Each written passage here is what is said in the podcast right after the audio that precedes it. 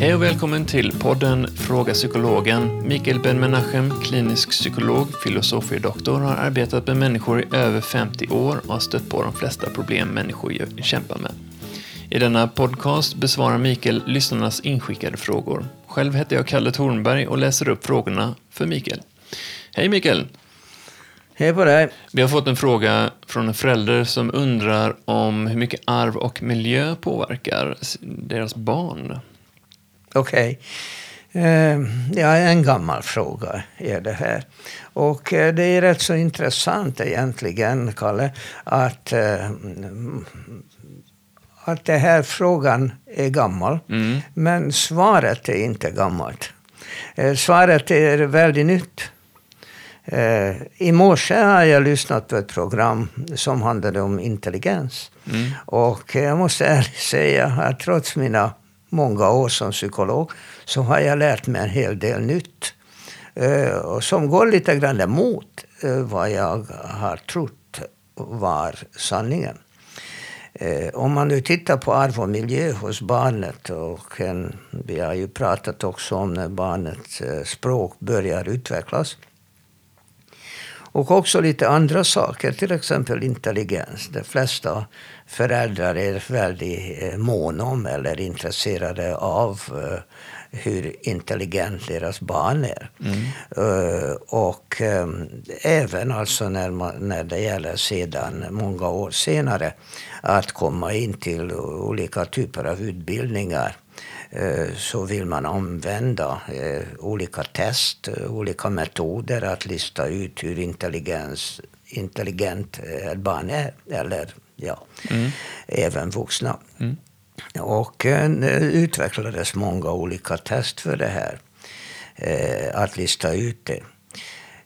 Generellt skulle jag vilja säga att vi trodde att inlärningen och det var jag tvungen att tro på för att jag är inlärningspsykolog. Mm. Att eh, ett barn kommer till världen som en tabula rasa.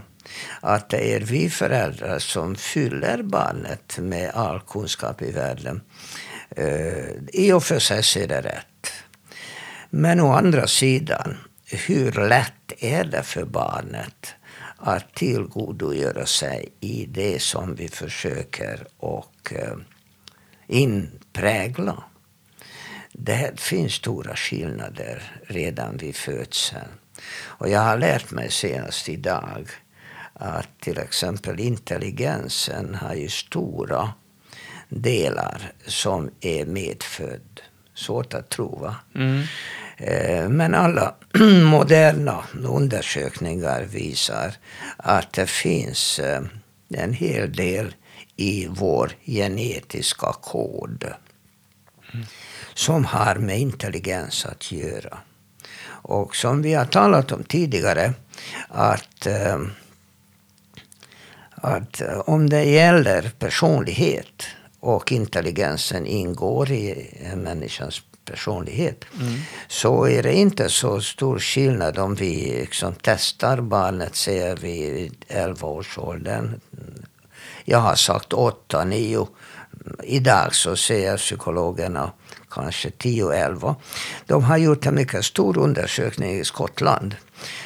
Där de undersökt 11-åringars intelligens eh, med olika intelligenstest. De här testen de de innehåller lite olika typer av frågor. Det kan handla om verbalitet, eh, matematisk eh, förmåga, slutledningsförmåga, kombinationsförmåga. En del olika saker som man anser är delar av eh, intelligens. Mm.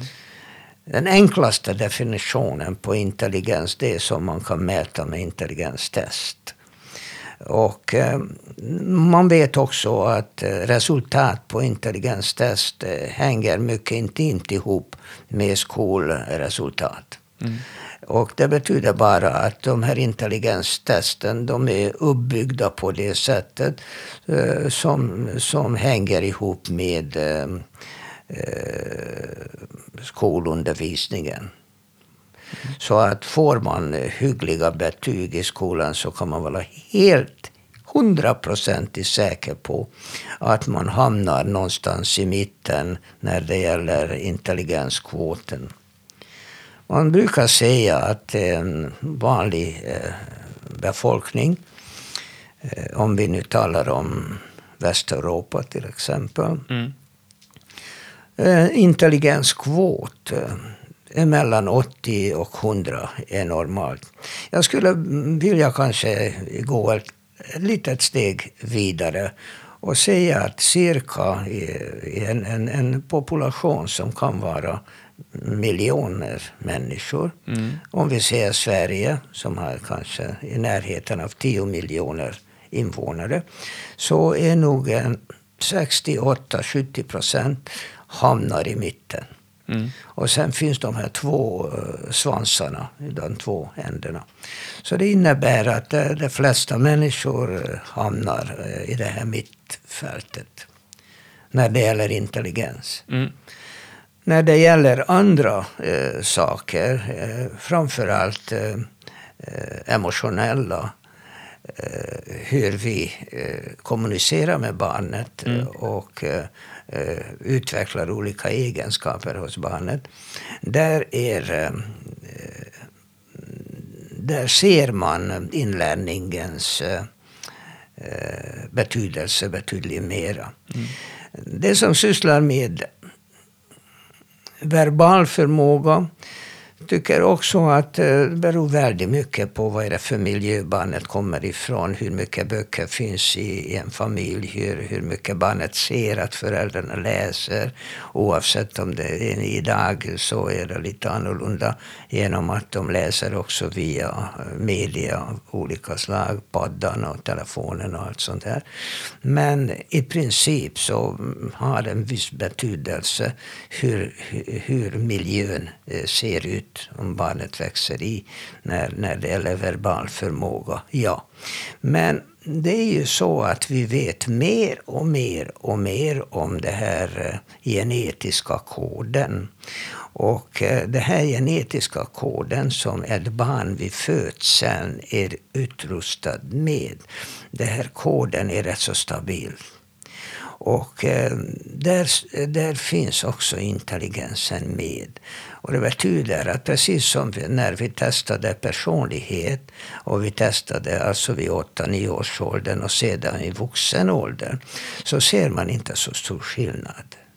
Nej. Oavsett vad som har hänt barnet under de gångna åren. Hur många år jag gått i skolan, vad är det för yrke eller eh, utbildning har fått. Och det är rätt så egendomligt. Och man kan ju leka med tanken vad man kan göra, det här är framtiden, mm. vad man kan göra med den genetiska koden. För att eh, de kan upptäcka sjukdomar redan vid födseln. Mm. När de nu har den här genetiska kartan och eh, tittar på det här individuellt så ser de exakt också om det finns i det här eh, koden vissa delar som tyder på att man kan få vissa sjukdomar senare. Mm. Och då kan man helt enkelt lyfta ut eh, små bitar av eh, koden och stoppa in eh, andra bitar. Eh, och det är ju en skrämmande grej i och för sig. Mm. Eh, på många olika sätt. Men på det sättet så kan man tänka sig att man kan göra något mer intelligent genom att byta ut en, en liten del av uh, den här genetiska koden som har med intelligens att göra mm. och stoppa in uh, andra bitar som, som kommer ifrån uh, mycket intelligenta människors kod. Men i miljö ingår ju också till exempel hur barnen projicerar hur, eller tar upp hur föräldrarna bemöter kriser, hur de, hur de uh, har för slags relation med andra människor? Det liksom plockar ju barnen upp också. Ja, det är alltså, alltså, där kommer ju in miljön som ändå trots allt har ju enorm betydelse. Mm. Och eh, framförallt när vi talar om eh, barnets självbild. Hur, hur barnet eh, ty, tycker om sig mm. själv och, och vad barnet eh, ser när barnet tittar i spegeln. Mm.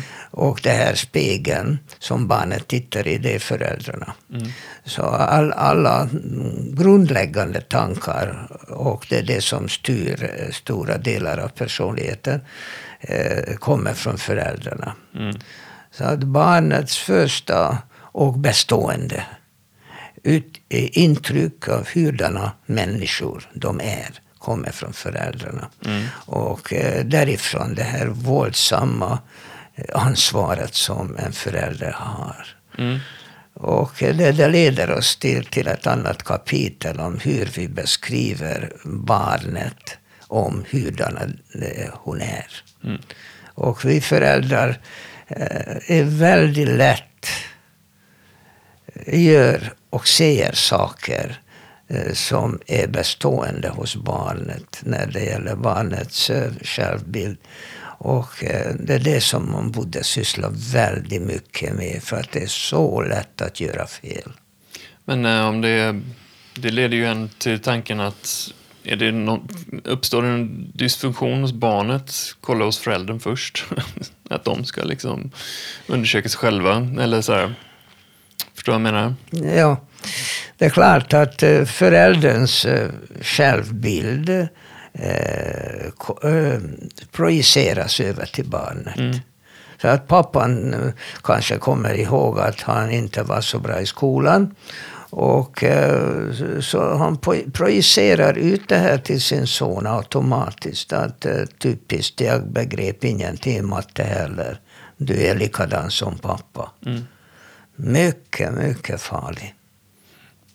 För att eh, så kan man se om princip alla tänkbara variationer och egenskaper som föräldrarna eh, antyder mm. att eh, det är inget att göra åt, det har du ärvt från mig. Ja, det är, många gånger så refererar mina barn till mina läromästare för de, de reflekterar tillbaks grejer kanske som jag inte kanske alltid har velat se på, men eh, som de blottlägger liksom, för mig ibland. Alltså, barnet är inte en tom låda vid födseln, det, det har vi nu lärt oss. Mm. Barnet eh, genom den genetiska koden har med sig en hel del. Mm. Sen kommer ju eh, miljöns eh, påverkan. Mm. Och framför allt, och det är det viktigaste för att hur intelligent man är, är inte så viktigt. För att de flesta människor hamnar i, i normalzonen så att säga ändå, mm. oavsett. Mm. Så att det, det inte har så stor betydelse. Däremot de flesta människor som jag ser i min mottagning, de har problem med sin självbild. Mm. De eh, många gånger eh, tycker att eh, att de är dåliga på, på, på, olika saker. Att de inte kan kommunicera, att de inte kan uttrycka känslor. Att, att de vågar inte eh, tala om olika saker. Att mm. eh, ta för sig. Allt sånt här alltså handlar hela tiden om deras eh, självbild, vad de anser, hurdana de är. Mm. Och de här tankarna kommer från föräldrarna. Ja absolut. Intressant. Har du någon fråga eh, angående detta ämne eller något annat inom psykologi så skicka ett mejl då till fragapsykologen.gmail.com. Du kan även följa Mikael på Instagram och Facebook under namnet Fråga Psykologen. Skicka gärna frågor via de sidorna och plattformarna också.